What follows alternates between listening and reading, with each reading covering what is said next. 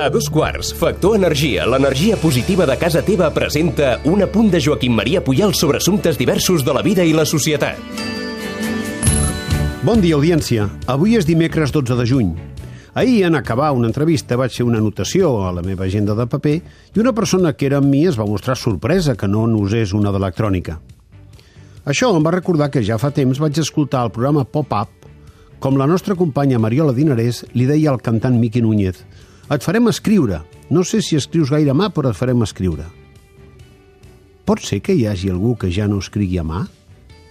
La pregunta me la vaig fer, de debò, i immediatament vaig pensar que la primera vegada que algú em va fer notar que ja no calia el càlcul mental, li vaig expressar la meva sorpresa.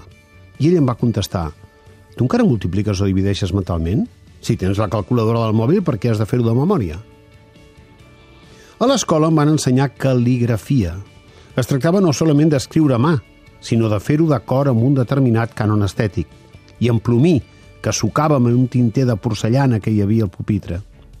Però en aquell moment, anys 60, la cosa moderna era escriure a màquina. N'hi havia de velles, de ferro colat, i de més noves, algunes molt lleugeres, i fins i tot de portàtils.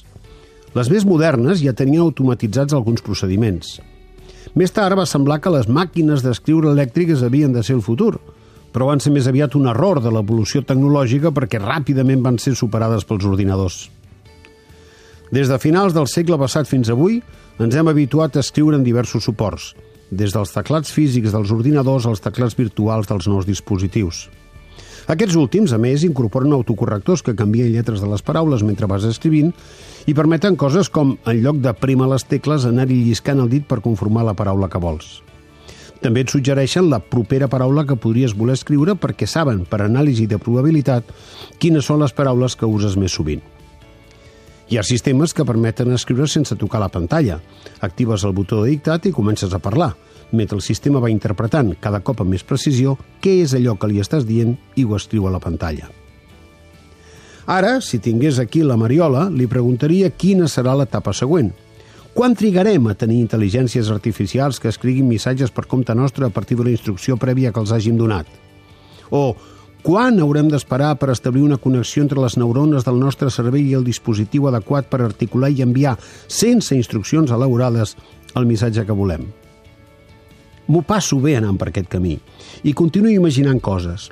És una idea desgavellada conjecturar que les màquines pensaran per nosaltres? o que si el nostre cervell actua en funció d'impulsos elèctrics, serà possible que siguem transferits a un circuit tecnològic i abandonem el xassis corporal? Abandonem la carn. Fantàstic. O no, perquè on seria el niu de les passions? Estava exactament a punt de contestar-me aquesta pregunta quan ha sonat el despertador i m'he llevat corrents perquè havia de fer aquesta mirada. La mirada d'en Puyal és una exclusiva de Factor Energia. En Manu, el Minimans, manis pels amics, no, no ha contractat la llum a Factor Energia i no, no s'estalvia un 12,5%. Manu, contracteu tots la llum. A factorenergia.cat i no farem més anuncis. Per fi hi ha una altra llum. Factor Energia. Empresa col·laboradora amb la Barcelona Equestrian Challenge.